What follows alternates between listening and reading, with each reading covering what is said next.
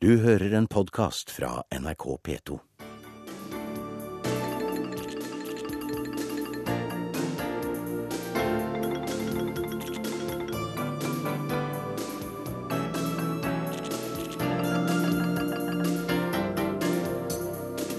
Republikanernes presidentkandidat Mitt Romney fikk et løfte under landsmøtet denne uka, men vil det holde? Australia oppretter flyktningleirer i nabolandene for å holde uønskede mennesker på avstand. James Bond-festen til det svenske sikkerhetspolitiet har ført til storm på sosiale medier.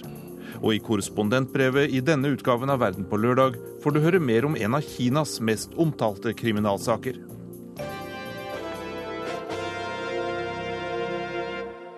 Republikanernes president Mitt Romney fikk et løft på enkelte meningsmålinger etter landsmøtet denne uka. TV-opptreden i beste sendetid over hele USA gir gjerne en slik effekt. Neste uke er det president Barack Obamas tur til å vise seg fram på landsmøtet til demokratene.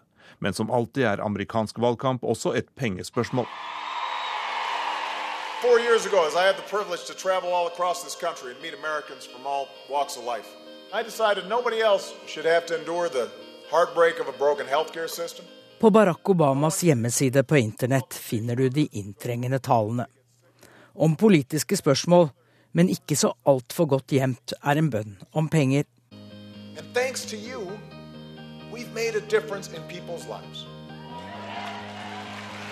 You, Obama var småsparernes presidentkandidat for fire år siden. Utallige små donasjoner ble til store beløp. Nå er han på tiggerstien igjen. I løpet av den siste uken har jeg fått utallige e-poster. Fra Barack Obama, Michelle Obama, visepresident Joe Biden. Ja, tidligere presidentkandidat John Kerry sendte også en e-post her forleden. De skriver om Mitt Romney som har så mye penger. Du må hjelpe oss. Før var minstebeløpet tre dollar. De siste dagene har det gått opp til fem.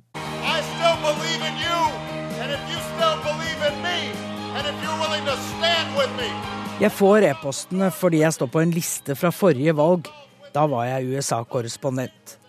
Og sammen med meg er det mange millioner mennesker som i disse dager blir pepret med e-poster fra Obama-leiren.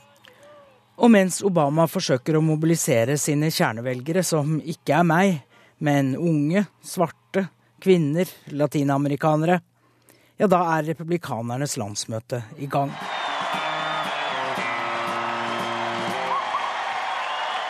Til stede er en rekke av dem som samler inn penger. Du har såkalte PACs, Political Action Committees, men de har begrensninger på hvor mye de kan gi til én kandidat. Men så har du det som kalles superpacks. De kan samle inn ubegrenset med penger, men ikke direkte til kandidatene. Det blir nok pengerekord i år igjen, sier politisk reporter Kenneth Fogel i tidsskriftet og nettstedet Politico. There'll be as much as $10 billion spent on campaign advertising and campaigns themselves uh, at all levels of federal campaigning. That's from the presidential, U.S. Senate races, U.S. congressional races in 2012. Det kan bli brukt så mye som 10 milliarder dollar i kampen om å bli president og for å bli medlem av Kongressen, sier Kenneth Fogel fra Politico til Danmarks Radio. Det er bortimot 60 milliarder kroner. Men det skal mer enn penger til. For eksempel må det skapes et bilde av kandidaten som velgerne kjøper. Mitt Romney har fått et stempel som stiv teknokrat. Derfor holder han landsmøtetale om familieverdier, om hvor viktige kvinner er, og om kjærligheten til konen Anne og den innsatsen hun har gjort for familien. Anne Romney har gjort jobben i familien, skryter ektemannen mitt. Med fem gutter og en mann som reiste mesteparten av tiden, har hun hatt nok å henge fingrene i. Men det er ikke nok for Romney å vise sine eventuelt mykere sider. Han må også tilfredsstille høyresiden blant republikanerne, Tea Party-bevegelsen, som er allergiske mot høyere skatter og offentlige utgifter. Da hjelper det godt med en visepresidentkandidat som Paul Ryan. We need to stop spending money we don't have. Vi må holde opp med å bruke penger vi ikke har, sier Romneys relativt unge visepresidentkandidat, som er et populært valg blant de konservative i partiet. Join Mitt Romney and me. Let's give this effort everything we have. Let's see this thing all the way through. Let's get this done. It's been great. It's fired us up. We're going for it. We're going to make it happen. Ja, Romneys delegater, som D. Lott fra Texas, er klare til kamp etter landsmøtet i Tampa, Florida. Og til uken flyttes mediesirkuset til Charlotte i Nord-Carolina, der demokratene ifølge en av sine kampanjeledere skal holde et helt annerledes landsmøte. Well,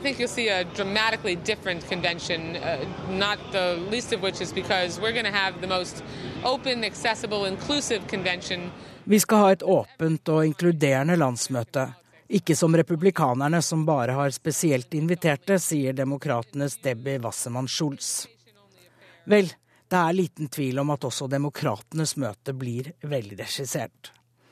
Og avslutningen på Obamas tale kan vi godt ta på forskudd. Der er det liten forskjell på ham og Mitt Romney. God bless you. God bless the United States of America. Reporter Anette Groth.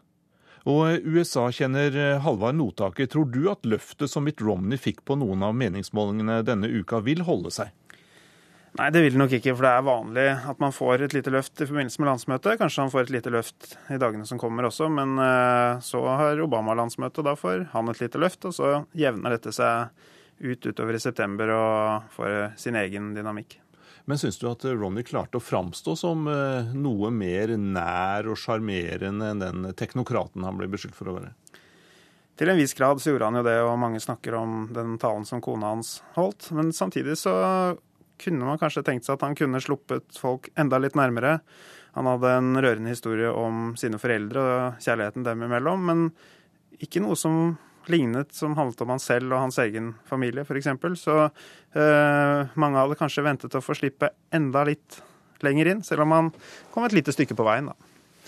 Men er det riktig å, å, snakke om de landsomfattende meningsmålingene i USA, som man gjerne gjør nå når det er vippestatene, altså der hvor resultatet er uforutsigbart, at det, at det er der den egentlige avgjørelsen kommer til å skje i valget? Det er jo det.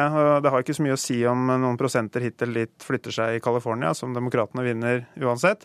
Det som har noe å si, er Ohio og Florida og disse statene. og Der har Obama ligget litt bedre an enn på de nasjonale målingene nå gjennom sommeren. Så det er der vi må se etter endring for å, for å kunne si noe om hvilken vei dette tipper. Eh, Romney han lovet altså 12 millioner nye arbeidsplasser på dette landsmøtet. Hvor troverdig er det? Nei, I talen i hvert fall så sa han jo ikke i løpet av hvor lang tid eller hvordan eller hva slags. så Sånn sett er det jo ikke så veldig troverdig. Det kan jo være det uh, vil utdypes. Uh, men uh, generelt så er jo sånne tall noe som man bruker mest som en slags illustrasjon. Og så, og så, må det defineres litt etterpå hva det var man egentlig mente osv. Så, videre. så det er, vel, det er vel tidlig for amerikanere å begynne å drømme om en av disse tolv millionene arbeidsplassene, antagelig.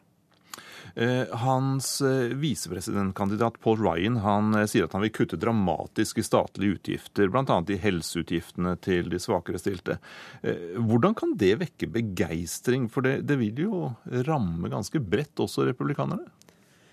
Det som er med disse kuttene, er jo at de, sett fra republikanske partiets ståsted, så, så representerer de faktisk en slags moralsk Eh, handling, for man må kutte. Man har ikke disse pengene. Man må sette tæring etter næring og vise ansvar. Så Sånn sett så appellerer det til ganske mange. Man må si det som det er. Samtidig så er det jo sånn at uh, fattige eller funksjonshemmede som trenger hjelp fra staten, som er det ene programmet det er snakk om, Medicaid, eller eldre som får støtte i Medicare, de trenger disse tjenestene. og de er, Dette er populære tjenester blant dem som bruker dem, og mange er redd for å miste dem. Så det er en veldig farlig kurs å slå inn på i en valgkamp og argumentere for å, å, å redusere godene i sånne ordninger. Og det er det mange som er redd for, også i det republikanske partiet. Eh, hvordan vil du si at forholdet mellom visepresidentkandidaten og presidentkandidaten framsto på dette landsmøtet? Etter landsmøtet så fremstår fortsatt Paul Ryan som den som eh, setter kursen, den som setter ord på hva som må gjøres. Eh, og det er jo ikke holdbart i lengden for en presidentkandidat at han hele tiden må svare på om han mener det samme som sin nummer to. Eh, det blir spennende å se hvordan de håndterer framover. Til uka skal altså demokratene holde sitt landsmøte. Hva vil eh, hovedbudskapet til Obama være da?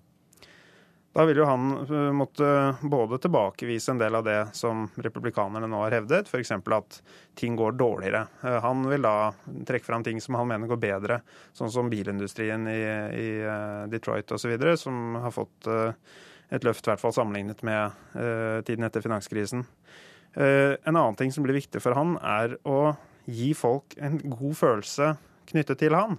Republikanerne snakket på sitt landsmøte mye om at eh, vi forstår at det var fantastisk den gangen Obama ble valgt. Det er lov å kjenne på gleden fra den dagen, eh, og samtidig kjenne på en skuffelse nå. Det er lov å bytte president nå. Du sviker ingen. Så de bygger opp en sånn slags emosjonell eh, argumentasjon hvor du skal gi folk anledning til å skifte side uten at de skal føle seg dårlige. Der vil nok Obama forsøke å, å legge inn noe annet emosjonelt som har å gjøre med, eh, med den begeistringen folk følte da, og videreføre den og, og, vise at de fortsatt kan tro på han. Eh, men er det så enkelt som noen sier at eh, det rett og slett er økonomien i månedene framover som vil avgjøre? Det er jo det store grunnlaget for hva folk ønsker å snakke om. Presset i befolkningen for å skifte president er større hvis man ikke har det bra, og hvis mange ikke har det bra. Men samtidig så er det jo sånn at hvis man, hvis man skal ønske å bytte, så må det være en lav kostnad forbundet med det å bytte. Og det er jo der da dette med eh, kuttene til Paul Ryan og sånne spørsmål. Stoler de egentlig på Mitt Romney? Graden av usikkerhet knyttet til de spørsmålene vil avgjøre hvor mange som da lar seg overbevise om at nå er det på tide å skifte. Og du vil ikke vedde i dette spørsmålet? Nei, jeg, da går jeg på en nettside på New York Times, hvor det er en som er fryktelig flink til å regne, og han har foreløpig Obama som favoritt. Takk skal du ha, Halvard Notaker. Det er altså i Charlotte, den største byen i Nord-Carolina, demokratene samles til uka. Dette er en by som har spilt en sentral rolle i den økonomiske krisen i USA de siste årene. You know, this, this like a third world country. And, uh, and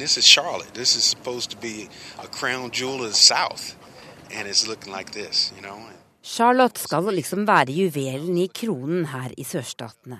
Men nå ser det ut som et utviklingsland her, sukker Mike Craft. Det er august 2008 i en nybygget forstad utenfor den største byen i Nord-Carolina. Mike Craft viser meg rundt i nabolaget der han har kjøpt et flunkende nytt hus. Huset er fint, det, men naboer er det verre med. For de fleste av de andre som hadde kjøpt seg inn i boligprosjektet, er rammet av den galopperende krisen i boligmarkedet. Mange flyttet aldri inn i husene de hadde kjøpt. Andre flyktet fra skyhøye boliglån og bunker med regninger midt på natta, og sendte nøklene i posten til banken. I USA er det banken som blir sittende på boligen til den som ikke kan betjene gjelda si. Og akkurat her i Charlotte er det flust med både banker og tvangsauksjonsofre. Denne byen er noe så underlig som et finanssentrum midt i en sump. En verdensby midt i sørstatene, uten havn, uten elv og uten et stort universitet. En gang var det bomullsmarkene i nærheten som ga muligheter for tekstilindustrien her. Men så kom bankene. På 1970-tallet sørget den kløktige finansmogulen Hugh McColl for at North Carolina National Bank ble en stor nasjonal finansinstitusjon, som etter hvert fusjonerte med Bank of America og ble USAs nest største bank. Wachovia vokste etter hvert til som en viktig rival for Bank of America, og snart var Charlotte blitt USAs viktigste privatbankhovedstad. Et sted der finansindustrien vokste seg større og større og større og lånte ut stadig mer penger. I 2008 var det kroken på døra for Wachovia, som ble kjøpt opp av Wells Fargo og flyttet til San Francisco. Og Bank of America har fått kriselån etter kriselån for å demme opp for sin uansvarlige atferd som ledet til finanskrisen.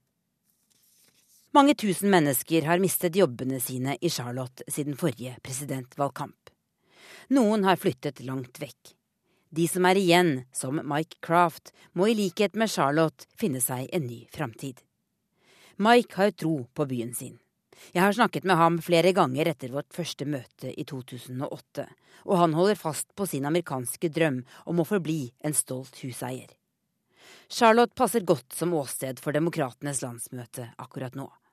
Byen forsøker å skape nye arbeidsplasser gjennom forsiktige satsinger og litt hjelp fra myndighetene. President Obama, som i 2008 vant med knappest mulig margin her, skal til uka fortelle 6000 delegater og millioner av TV-seere hvordan han vil skape nye arbeidsplasser. Slike trenger også Charlotte. Slike trenger byen mange av. Mange flere enn de midlertidige kjempesirkuset som åpner på mandag, har skapt. Det sa reporter Tove Bjørgaas.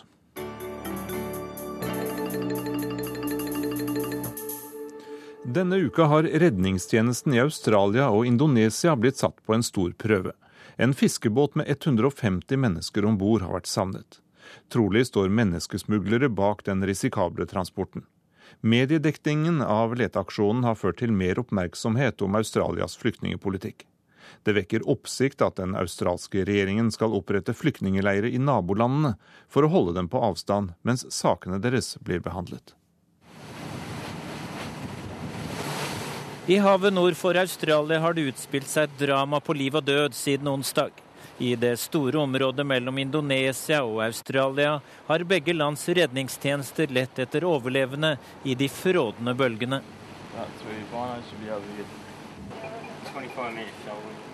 På broen på et australsk handelsfartøy holder besetningen utkikk med kraftige kikkerter. Alarmen gikk på onsdag. En fiskebåt fra Indonesia med 150 mennesker om bord var savnet. Onsdag kveld ble de første overlevende funnet. Uh,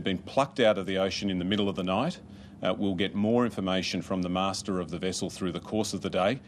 De ble plukket opp av havet midt på natta. Innenriksminister Jason Clare i Australia forteller at de første seks som ble funnet i live, var menn fra Afghanistan. De overlevde etter 24 timer i vannmassene. Uh,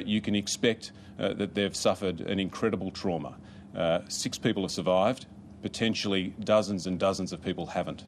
Uh, De har vært gjennom en traumatisk opplevelse, fortsetter Jason Clare men mange er fortsatt savnet. Utover torsdagen fant redningsmannskaper og skipsbesetninger ytterligere 16 overlevende. Torsdag kveld var antallet i live steget til 45. Etter hvert som tiden går, svinner håp om å finne flere av flyktningene i live. De overlevende forteller at mange kvinner og barn også var om bord, de fleste fra Afghanistan, Iran og Sri Lanka. The advice that we have is that there are up to 150 people that were aboard this vessel. Six have been plucked from the sea. We have grave fears for a lot more. Det var 150 personer om bord, forteller Jason Clair. Han frykter det verste. Trolig har rundt 100 mennesker mistet livet. Enkelte har kritisert myndighetene i Indonesia for ikke å slå alarm raskt, og for ikke å be om hjelp fra den godt utstyrte redningstjenesten i Australia på et tidlig tidspunkt. Men den australske ministeren vil ikke kritisere myndighetene i nabolandet og han mener redningstjenesten i Indonesia har hatt en forferdelig vanskelig jobb.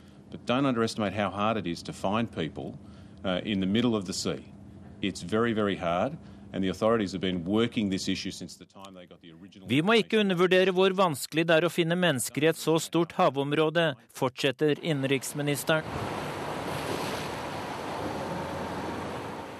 Letingen i havet nord for Australia fortsetter etter restene av den overfylte fiskebåten. Australia fikk voldsom kritikk for ti år siden, da den konservative regjeringen opprettet flyktningleirer i nabolandene. Båtflyktninger ble raskt transportert til teltleirer der. Menneskerettsorganisasjoner hudflettet statsminister John Howard og hans regjering for en umenneskelig flyktningepolitikk. Da Arbeiderpartiet og sentrum kom til makten, la de ned leirene i nabolandet Papua Ny-Guinea og den lille øystaten Auru i 2007. Men nå gjør den nåværende regjeringen til statsminister Julia Gillard det samme som forgjengeren John Howard ble kritisert for. Hun gjenoppretter flyktningleirer i Nauru og Papua Ny-Guinea, som grenser til Indonesia i vest og har en maritim grense til Australia i sør. Fotografer tar bilder av statsminister Gillard på besøk i Nauru. Hun er der for å signere en avtale om at Australia skal betale for en teltleir der landet skal sende sine båtflyktninger. Det samme gjør hun i Papua Ny-Guinea. Thank you very much. It's making a real difference to uh, uh, people smuggling in our region. So thank you for.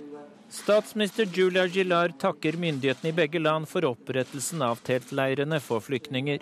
Hun legger vekt på at dette vil begrense menneskesmuglingen. For menneskesmuglere i Indonesia opererer i stor stil. De tar 10 000 dollar for hver flyktning. I august transporterte de 1900 personer til Australia, de fleste i primitive og farlige båter. I år har 10 000 flyktninger ankommet Australia, og det er dobbelt så mange som i hele fjor. Men kritikerne mener at venstre-sentrum-regjeringen taler med to tunger når de oppretter disse teltleirene i nabolandene. De mener det ikke er kampen mot menneskesmuglere som motiverer regjeringen, men at det er antallet immigranter som ankommer landet som plager myndighetene. Det er ventet at båtdrama i havet nord for Australia og opprettelsen av teltleirer i nabolandet vil føre til en heftig debatt om flyktningepolitikken i Australia i tiden som kommer. Reporter her, Dag Bredvei.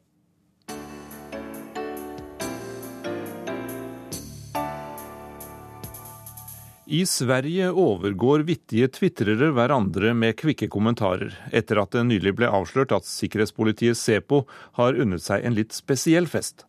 Jeg er rystet, ikke rørt over Sepos fest til over fem millioner, tvitrer f.eks. Fredrik Olsson. Og da skulle vel de fleste stikkordene være gitt for festen.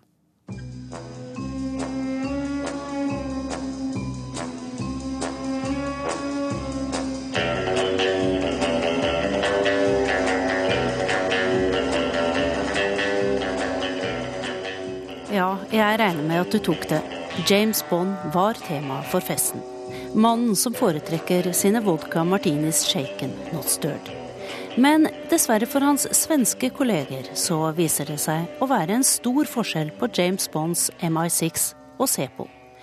Mens Bonds sjef M ville kunnet komme unna med regninger for nedskutte fly, sprengte broer og mye mer, må Sepo nå tåle kraftig kritikk for sin personalfest. La oss ta det fra begynnelsen. Svenske Sepo hadde hatt et tøft år med omorganisering og terrortrusler da sjefen i fjor sommer bestemte seg for å muntre opp sine 1000 medarbeidere. Anders Danielsson inviterte til James Bond-fest. Her er en liten smakebit fra regningen. Et eh, festlokale i Nakka utenfor Stockholm fikk en James Bond-look. Prislapp 400 000. Det som var shaken not stirred, kostet 50 000. Forrettsvinen 80 000. Det blir penger av sånt. 5,3 millioner kroner, for å være nøyaktig. Det vil si over 5000 kroner per kuvert. For eh, dessverre for se på står offentlighetsloven noe sterkere i Sverige enn i James Bonds verden. Dermed kan svenskene lese svart på hvitt hva mat, drikke, dekor og innbudte artister har kostet. Det er avisa Dagens Nyheter som har kommet med avsløringene om personalfesten. Samme avis har også fortalt om andre dyrefester i myndighetenes regi. Inga-Britt Alenius er tidligere sjef for Riksrevisjonen og kjent for sin tøffe holdning da hun var sjef for FNs interne revisjon. Hun er ikke nådig. Det er dårlig omdømme hos en verkssjef og hos en, en, et ledningsskikt i, i denne myndigheten. Her er det nesten ingen gräns på hva man syns man kan koste på seg. Jeg har svårt å forestille meg at et privat företag skulle ordne en fest med, med de her utsvevningene. Justisminister Beatrice Ask vil ikke uttale seg til SVT. Til eh, nyhetsbyrået TT sier hun ganske tørt at det er bra at myndighetene granskes. Men selv om Beatrice Ask kjører en stiff upper lip-stil i denne saken, i beste M-tradisjon, er kommentarene på sosiale medier alt annet enn stive. Her hagler det med kvikke kommentarer. Signaturen Brottsanalys skriver eksempel Danielsson, Anders Danielsson, med lisens at mongmillionfesta. En annen mener det hadde vært billigere med både KGB-fest og Stasi-fest, og selvfølgelig er det en som syns det burde vært mulig å hemmeligholde en fest med nettopp Secret Service-temaet James Bond. Men Sverige hadde ikke vært Sverige hvis ikke diskusjonen hadde tatt en for oss uventet vending. For nå går ikke lenger debatten på den noe høye sluttsummen på regningen. Nei, Riksrevisjonen syns det verste av alt er at den hemmelige James Bond-festen ikke ble lagt ut på anbud blant festfikserselskapene før vedtak ble gjort. Nå har hverdagen tatt igjen Sepo. Sjefen heter ikke lenger Anders Danielsson, han heter Anders Tårnberg. Og den samme Tårnberg har akkurat varslet at C-på-styrken skal slankes med 10% Ja ja, det har nok sin grunn at mannen som kjører i stykker panservogner, biler, fly og motorsykler for millioner i hver film, er britisk og ikke svensk. Det hadde liksom blitt litt vanskelig for James Bond å slåss med svenske byråkrater i tillegg til verdensskurken.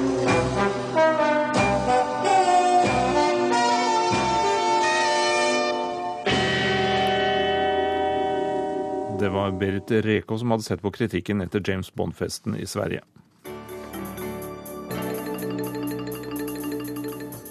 Klokka er 11.30 eh, om halvannet minutt, og videre i Verden på lørdag får du, får du høre om skattesnusk og svertekampanje i dansk politikk, om gransking av dødsårsaken til tidligere PLO-leder Yasir Arafat, og om spinnville byggeplaner i Sør-Sudan.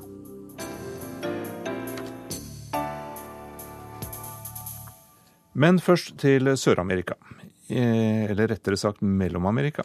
I Colombia har fredshåpet blitt tent etter at det denne uka ble kjent at FARC-geriljaen og myndighetene er villige til å starte fredsforhandlinger. Det kan bety en slutt på den brutale krigen som har pågått i nærmere 50 år.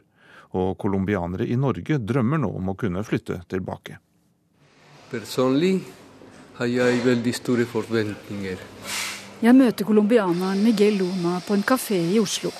Han måtte flykte fra hjemlandet for 19 år siden, og har siden bodd i Norge. Han er glad for å høre at FARC-geriljaen og myndighetene vil starte fredsforhandlinger. Det har vært eh, altfor mye krig i Colombia. Altfor lenge. Jeg synes at eh, folk i Colombia fortjener en situasjon hvor de kan bygge opp landet uten å være redd for at man blir drept eller eh, forfulgt. Se han desarrollado conversaciones exploratorias con las FARC. Colombias president Juan Manuel Santos bekreftet tidligere denne uka at hans regjering har hatt hemmelige samtaler med den venstreorienterte geriljaen. De har skapt håp i Colombia om å få en slutt på den brutale krigen. Det er vanskelig å vite nøyaktig hva partene har blitt enige om, men det som er lekket til media, gir grunn til optimisme. Det sier Daniel Garcia Peña, statsviter og tidligere medlem av Colombias fredskommisjon. At geriljaen og myndighetene i hele tatt har møttes i flere måneder, viser at de er seriøse og har en klar vilje til fred, mener han. Og hvis det stemmer at geriljaen er villig til å avvæpnes, slik colombianske medier skriver, er det historisk, sier Garcia Peña.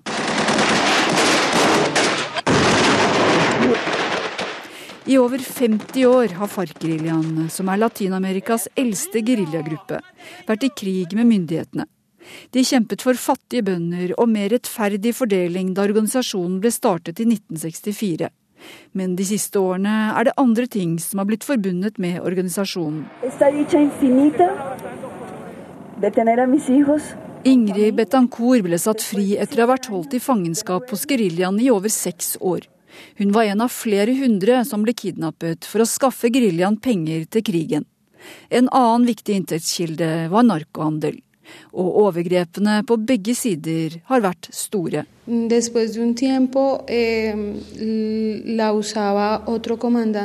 Lucia på et kvinnesenter utenfor hovedstaden forteller om en ti år gammel jente som i flere år ble holdt som sexslave hos FARC-geriljaen. Det var en utbredt praksis. I tillegg ble over fire millioner colombianere flyktninger i eget land pga. kampene mellom geriljaen, myndighetene og de paramilitære gruppene. De fleste familier er rammet av krigen, forteller Miguel, som selv er politisk flyktning. Eh, jeg har sett eh, folk som har blitt torturert. Jeg selv ble også trakassert flere ganger. Eh, jeg, jeg sier at det, det nok er nok. Nå ser det ut til at begge parter har innsett at ingen lenger kan vinne krigen med militære midler. FARC er ikke lenger like sterke som de var for 10-15 år siden, og regjeringa har heller ikke lykkes med å utrydde geriljaen, selv om de har klart å drepe flere av deres ledere, sier Garcia Peña. Likevel er det langt fram til en fredsløsning.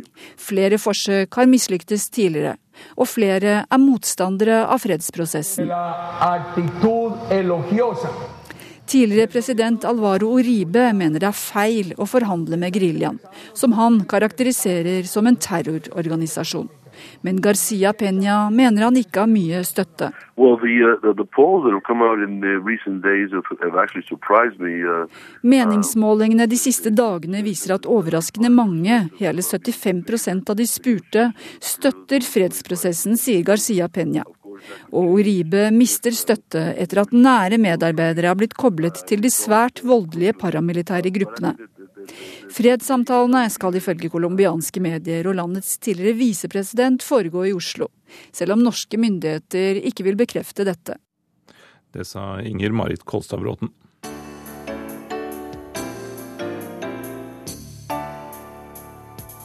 Nå Danmark. Mannen som er siktet for å ha lekket statsminister Helle Thorning-Smiths eh, skattesak, sier det hele er oppspinn. Danskene har innledet full gransking av saken som handler om tidligere statsminister Lars Løkke Rasmussen, og om hans folk tok i bruk skitne og ulovlige metoder for å hindre at Torning-Schmidt skulle vinne valget i fjor.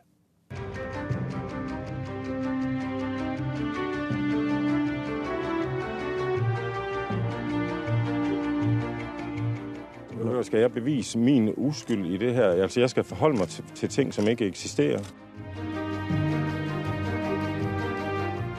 At hun skulle skades mest mulig, det var ganske tydelig. Det var det det gikk på. Jeg kan på det skarpeste avvise at Venstre har spillet en rolle i, i det her. Nei da, dette er ikke den danske serien Borgen fra det politiske miljøet du hører på.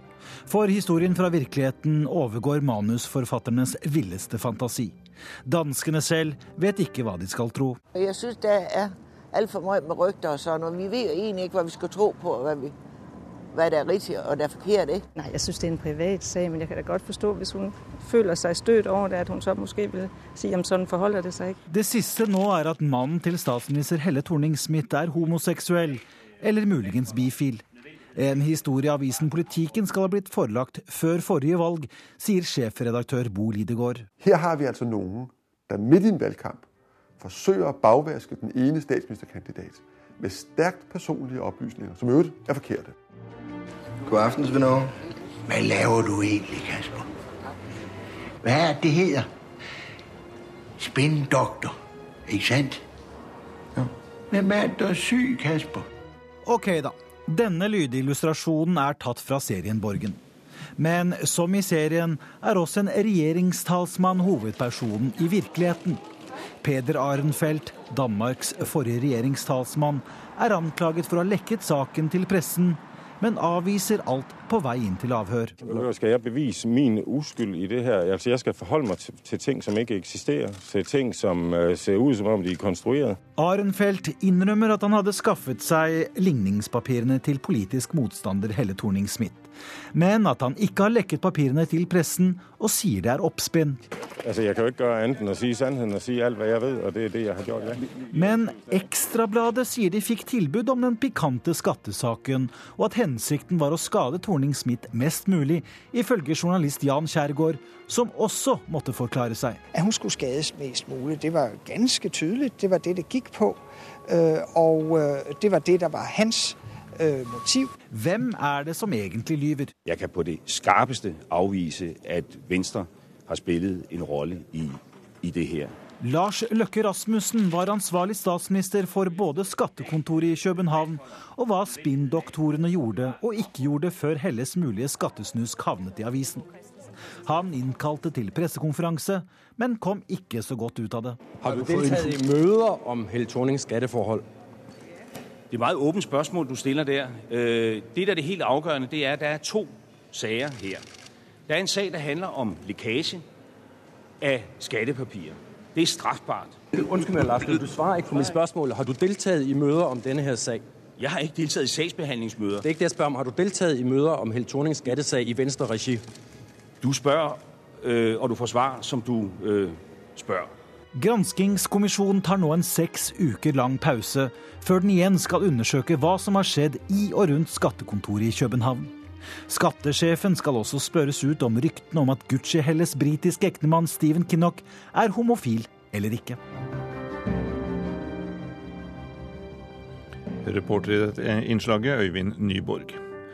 Og eh, Ask Rostrup, du er eh, kommentator, politisk kommentator i Danmarks Radio. Kan du forklare eh, hva denne saken egentlig dreier seg om?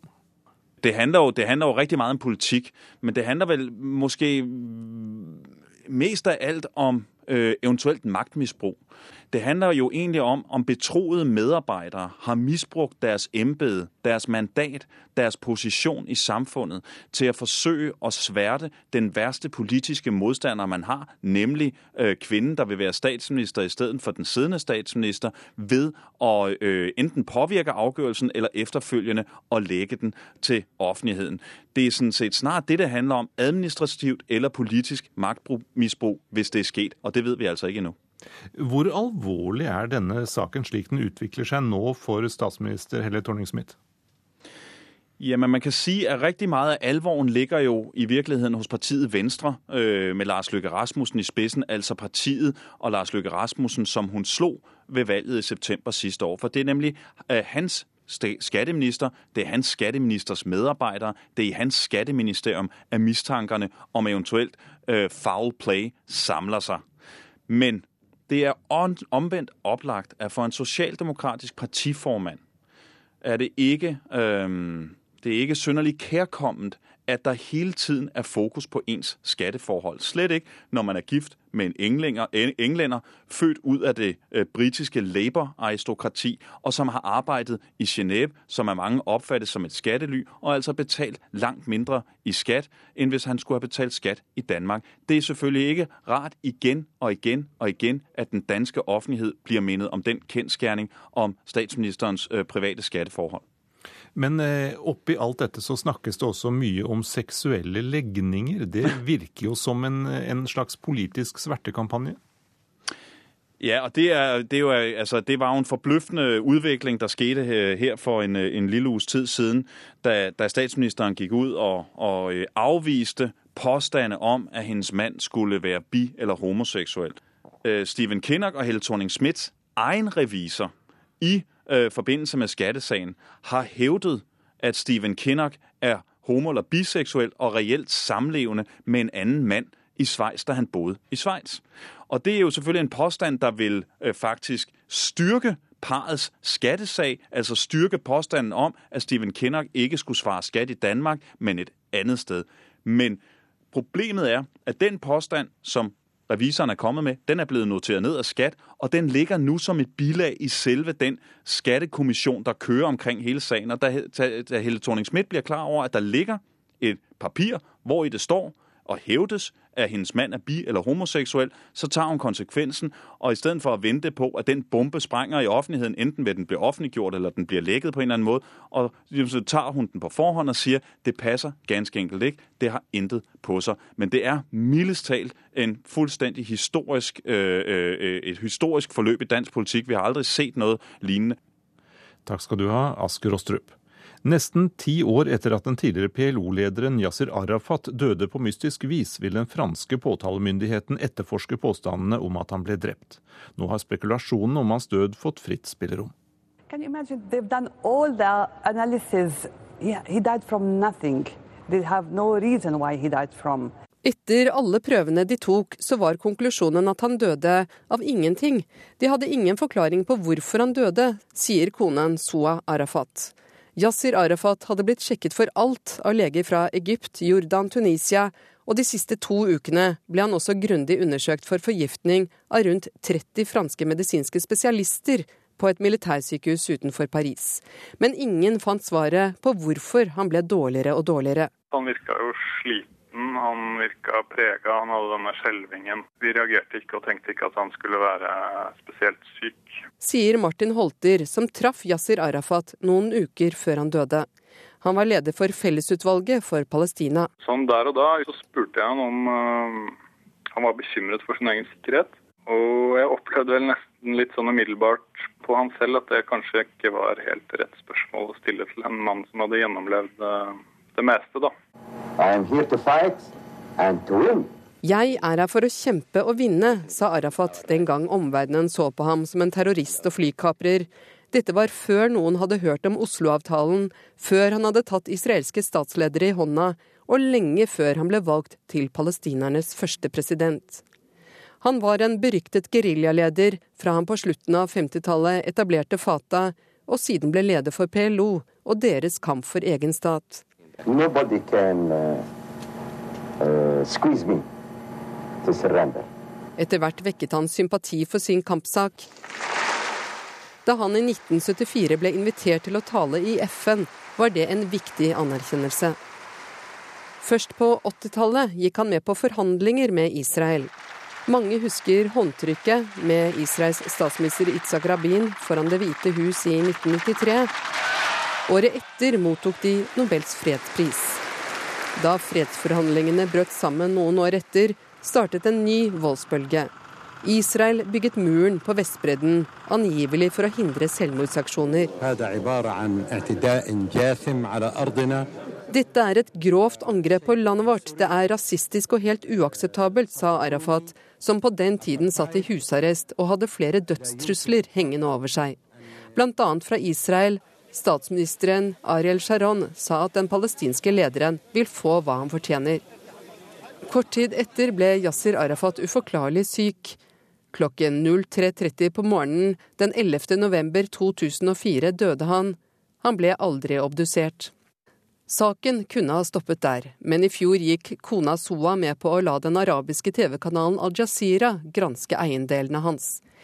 De tok det med seg til et sveitsisk laboratorium og gjorde interessante funn.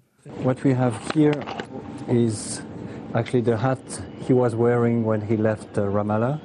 We took several samples at different locations and uh, the conclusion was that we, we, we did find some uh, vi tok flere prøver og fant polonium, sier en av forskerne ved laboratoriet til Al-Jazeera.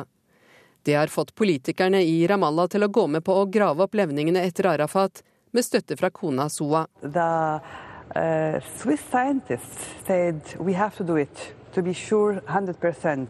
Forskerne sier vi må gjøre det for å være 100% sikre, sier hun. Men hvor store sjanser er det egentlig for at det finnes spor av polonium i benvevet? Hvis du husker Litvinenko-saken, var det det stoffet som drepte den tidligere russiske spionen og avhopperen for seks år siden.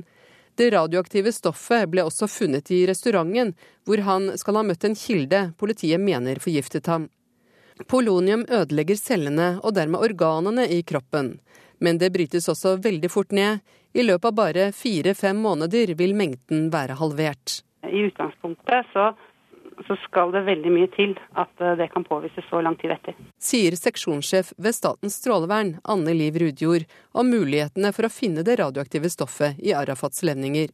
Det er kanskje en millionte, ca. en milliontedel av det radioaktive stoffet igjen. Så det er veldig liten andel som eventuelt er igjen. Men den franske forhørsdommeren er i gang med å etterforske påstandene, og enken hans er overbevist om at noen der ute er skyldige i mannens død. Reporter Åse Marit Befring.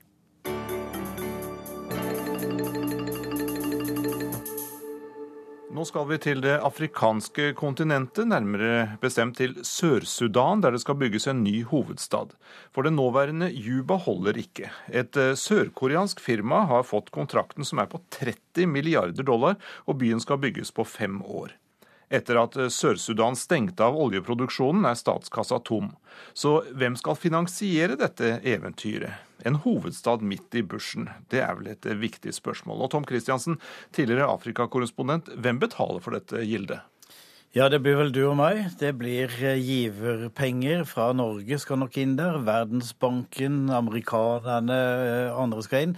Men så sier de at dette kommer til å betale seg selv langt på vei, fordi her er det business som skal inn. De må betale for sine ting. Folk skal kjøpe leiligheter. Nå er det ikke noe særlig pengeøkonomi her, da, så det er, det er, jo et mysterium hvem som egentlig skal bo i denne, denne, flunkende byen. Men eh, jeg tror nok at giverne må ut med noen penger, selv om de har protestert mot prosjektet. Byen skal altså ligge i Ramsiel, og hvor i all verden er det? Det ligger midt i landet. Det vil Si, altså det er det geografiske sentrum i landet. Og kritikerne sier at det ligger like langt fra alle andre steder, for det bor jo ikke folk der. Det er en liten landsby i dag. Det er ikke veier, så det, må, det er ikke bare en flyplass som må bygges, man må også bygge veier til dette stedet. Har du sett uh, tegningene? Ja, jeg har noen tegninger her. Ta en titt. Og du som har vært korrespondent i Washington, kjenner du igjen eh, stilen? Det ser eh, veldig ut som Capitol. Ja. De har altså da tegnet en miniatyr av Capitol Hill, kongressen i USA. Store vannbad, fontener, søyler eh, rundt et sentrum laget nesten som en, en, en blomst. Og dette firmaet i Sør-Korea de tegner sånne byer over hele verden. De har ikke bodd i Afrika, de vet ikke hvordan afrikanere lever. Hvor skal f.eks. markedsplassen ligge til konene som skal selge tre tomater? Hvor skal de selge dyr? Ingenting av dette er med. Og den livsstilen her med å bo i høyhus og sånne ting er jo helt fremmed for de som skal eh, bo. Så dette er altså bare Tenk på en by, og så tegner man en by, og så bygger man en by, og det skal ta dem fem år og 30 milliarder kroner. Ja, dette kan da umulig fungere? Nå er eh, noen begynt å protestere Altså, dette ble jo vedtatt for ett år siden. Nå er protestene begynt å komme. Luka Biong, som er en av de tunge sørsudanske politikere, som har vært rådgiver både for uh, og vært minister i regjeringen både i nord, nord og i sør, sier at her mangler det en demokratisk prosess. Dessuten ble vi faktisk enige om at det var Juba som var hovedstaden. Og så slår han inn det argumentet som nok kan komme til å gå tvers igjennom.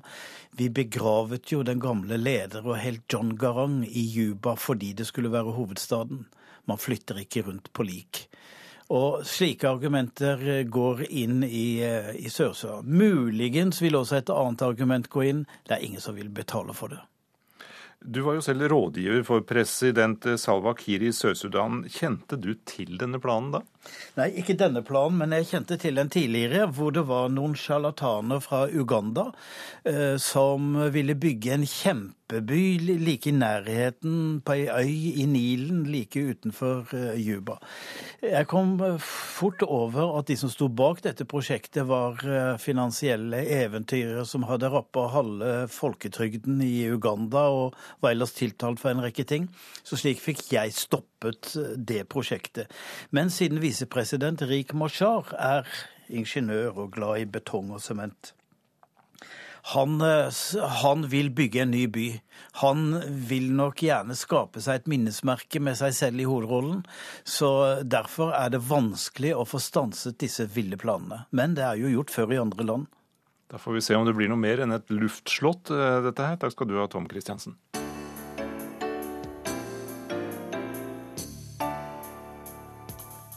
I Kina har retten nylig avsagt dom i en av landets mest omtalte kriminalsaker, nemlig giftdrapet på en britisk statsborger. Den skyldige var etter rettens kjennelse kona til en tidligere svært høytstående politiker i kommunistpartiets øverste sirkler. Men var det egentlig denne damen vi fikk se i rettssalen, spør Asia-korrespondent Anders Magnus i dette korrespondentbrevet. Så hun ikke litt tykkere ut, særlig kinnene? Litt blubbete? Lignet ikke helt på den vi hadde sett på bildene tidligere? Var det egentlig henne? Den tiltalte Gu Kailai, høytstående medlem av Kinas kommunistparti og inntil nylig en av landets mest suksessrike advokater, stinn av penger, makt og selvtillit. Nå sto hun der i tiltaleboksen, liten og spak, fornedret seg selv på det mest ydmyke, erklærte at hun var skyldig i både planlegging, gjennomføring og forsøk på å dekke over giftdrapet på den britiske forretningsmannen Neil Haywood. Det skulle ha skjedd da han besøkte henne i november i fjor i Kinas og verdens største by Chongqing med 35 millioner innbyggere. Ikke bare erklærte hun sin skyld, hun lovpriste også dommerne og sa at hun regnet med å få både en renhårig og rettferdig behandling av retten. Da var det mange som stusset, både Kina og resten av verden. Dette var kona til Bo Xilai, den tidligere partisjefen i Chongqing, som bare måneder tidligere så på seg selv som den mest sannsynlige toppsjef blant neste generasjon kommunistledere. Ryktene begynte å gå. Var det en dobbeltgjenger Kinas kommunistmyndigheter hadde plassert i tiltaleboksen? Kinas internett flommet over av syrlige kommentarer med henvisning til både utenlandske eksperter på ansiktsgjenkjenning og tidligere bruk av falske tiltalte i kinesisk rettspleie. Til slutt ble debatten så hissig og kritikken om at man aldri kan stole på kommunistmyndighetene så sterk at partiets sensurapparat rett og slett stengte alle søk på internett som inneholdt ordene Tisjøen, dobbeltgjenger. Men i stedet for å spørre var det virkelig den riktige god Kailai vi så i retten, burde spørsmålet heller være var det en virkelig rettssak vi var vitne til? For dette skulle være årets glansnummer for det kinesiske rettsapparatet og for kommunistpartiet. Nå skulle man vise verden at Kina er en rettsstat hvor loven er lik for alle, enten det er høy eller lav i samfunnet. En rettssak som skulle stoppe kjeften på alle kritikerne fra Vesten som hevder at det ikke finnes noen rettssikkerhet i Kina. La oss spole litt tilbake. Bo Xilai og Gu Kailai var et stjernepar på den kinesiske kommunisthimmelen. Begge barn av helter fra kommunistrevolusjonen som førte diktatoren Mao Zedong til makten. For noen år siden ble det laget en romantisk TV-serie basert på historien til dette eksemplariske paret, for å vise hvordan ekte kommunistforbilder skal te seg. Bo Xilai avanserte svært raskt i kommunistgradene og var inntil nylig betrodd stillingen som partisjef i megabyen Chongqing. Han ble raskt medlem i partiets nest øverste maktorgan, politbyrået, og regnet med å nå toppnivå på denne høstens partikongress ved å utpekes som medlem til politbyråets faste komité. Dette er en gjeng på ni menn som bestemmer absolutt alt i Kina. Kona Gu Kailai gjorde det like skarpt som vellykket advokat, og selvsagt også partimedlem. Sønnen deres begynte etter hvert på dyre privatskoler i England og USA, og paret levet et svært luksuriøst liv, som de fleste kommunistpamper. Pengene kom selvsagt ikke fra formelle lønninger, som fortsatt er ganske lave i Kina, men fra korrupsjon og forretningsvirksomhet som ikke tåler dagens lys. Her var det briten Haywood kom inn i bildet, både som forretningspartner og hjelper for å få ført mange av de ulovlige pengene ut av landet. Men samarbeidet med Haywood surnet og endte med at Go Kailai drepte ham med giften cyanid, ifølge rettsdokumentene og dommen som ble avsagt for halvannen uke siden. Der står det også at hun forsøkte å skjule drapet, og beordret en rekke politifolk med på denne dekkoperasjonen.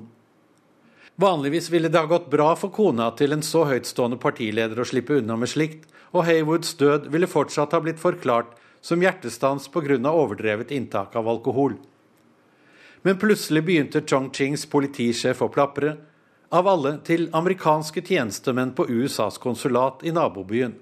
Dit flyktet han fordi han fryktet for livet etter å ha kommet på kant med sin gamle sjef og tidligere så nære venn Bo Xilai. Dermed raste hele maktpyramiden i byen. Politisjefen fikk ikke asyl hos amerikanerne, men ble arrestert og brakt til Beijing. Bo Xilai ble fratatt jobben som partisjef og senere også medlemskap i kommunistpartiets politbyrå. Nå ryktes det at han om få dager også kommer til å miste vervet i den nasjonale folkekongressen, og etter det også partimedlemskapet. Og kone Go Kailai, som blir sett på den onde heksa oppi dette voldsomme maktdramaet, hun ble arrestert og stilt for retten i en rettssak som varte mindre enn åtte timer. Men var det egentlig en virkelig rettssak som ble gjennomført? I løpet av de åtte timene ble ingen vitner presentert og krysseksaminert av aktor og forsvarer, heller ikke ektemannen Bo Chilai eller politisjefen i Chongqing. Det ble ikke framlagt fysiske bevis for at Goe virkelig hadde forgiftet Haywood med cyanid. De første blodprøvene fra avdøde inneholdt ikke gift, men etter at politisjefen sladret på kona til sjefen, fant man mirakuløst nok andre blodprøver som var blitt gjemt unna i fire måneder, og som inneholdt cyanid. Og årsaken til drapet? Krangel om et eiendomsprosjekt ble nevnt i retten, men ikke tillagt vekt, selv om det dreide seg om en fortjeneste på 130 millioner kroner som Haywood mente han ville gå glipp av. Men å bore for dypt i pengekrangelen ville ikke partiledelsen. Da kunne det jo kommet fram at både korrupsjon og ulovlige pengetransaksjoner er nokså vanlig blant Kinas kommunistiske lederskap. I dag er det få, verken i Kina eller resten av verden, som tror at rettferdigheten har skjedd fyldest i denne saken. Heller ikke at Kina nå har tatt steget opp til et ordentlig rettssamfunn. Snarere tvert om. Saken har til fulle vist at i Kina er all juss politikk, og at kommunistpartiet i forkant av rettsmøtene har bestemt både hva de tiltalte skal si, og hva dommen skal bli. Ironisk nok sluttet Go Kailai seg ivrig til en slik praksis mens hun ennå holdt på som advokat. I en bok skriver hun at i Kina har man det mest rettferdige rettssystem som finnes. Sitat, Kinesisk rett driver ikke med flisespikking over betydningen av enkeltord. Med det samme man er sikre på at du har myrdet noen, blir du arrestert, ført for retten og henrettet. Men så ble hun ikke henrettet, til svært manges overraskelse. I stedet ble det en såkalt betinget dødsdom, som betyr at straffen gjøres om til livsvarig etter to år, og kanskje kan hun slippe ut alt etter å ha sonet kun i ni år. Mine kinesiske bekjente og millioner av innlegg på internett karakteriserer dommen som dypt urettferdig og nok et bevis på at partiet behandler sine egne bedre enn andre folk. Hadde det vært et vanlig menneske som hadde drept noen, ville de vært skutt for lengst, er omkvedet. På partiets maoistiske venstreside er man også rasende. Her vil man helst ha sin helt Boshi Lai tilbake i partiledelsen, og mener at rettssaken mot kona bare var en fiffig manøver utført av Bås politiske fiender. Og de liberale kineserne, de som ønsker seg demokrati og rettsstat, er dypt bekymret etter dommen. Mer enn noen gang er det nå slått fast at domstolen i Kina gjør akkurat det partiet befaler at de skal gjøre. Verdt å merke seg for norske forretningsfolk som kan komme til å havne i rettstvister med kinesiske samarbeidspartnere. Men så gjenstår spørsmålet var det virkelig god Kailai vi så i rettssalen? Jeg tror det. At hun var så tykkkinnet og blubbete og oppførte seg som en robot, er trolig forårsaket av at hun var tungt medisinert, slik myndighetene også har innrømmet. Men om det var en virkelig rettssak? Der må svaret bli nei. Dette var kun politisk teater. Det sa vår Asia-korrespondent Anders Magnus, som altså hadde korrespondentprøve. Og med dette så er denne utgaven av Verden på lørdag slutt. Det var Elise Flåten Øygarden, Hanne Lunås og Jan Espen Kruse som sørget for at du fikk høre den. Ha en god helg. Du har hørt en podkast fra NRK P2.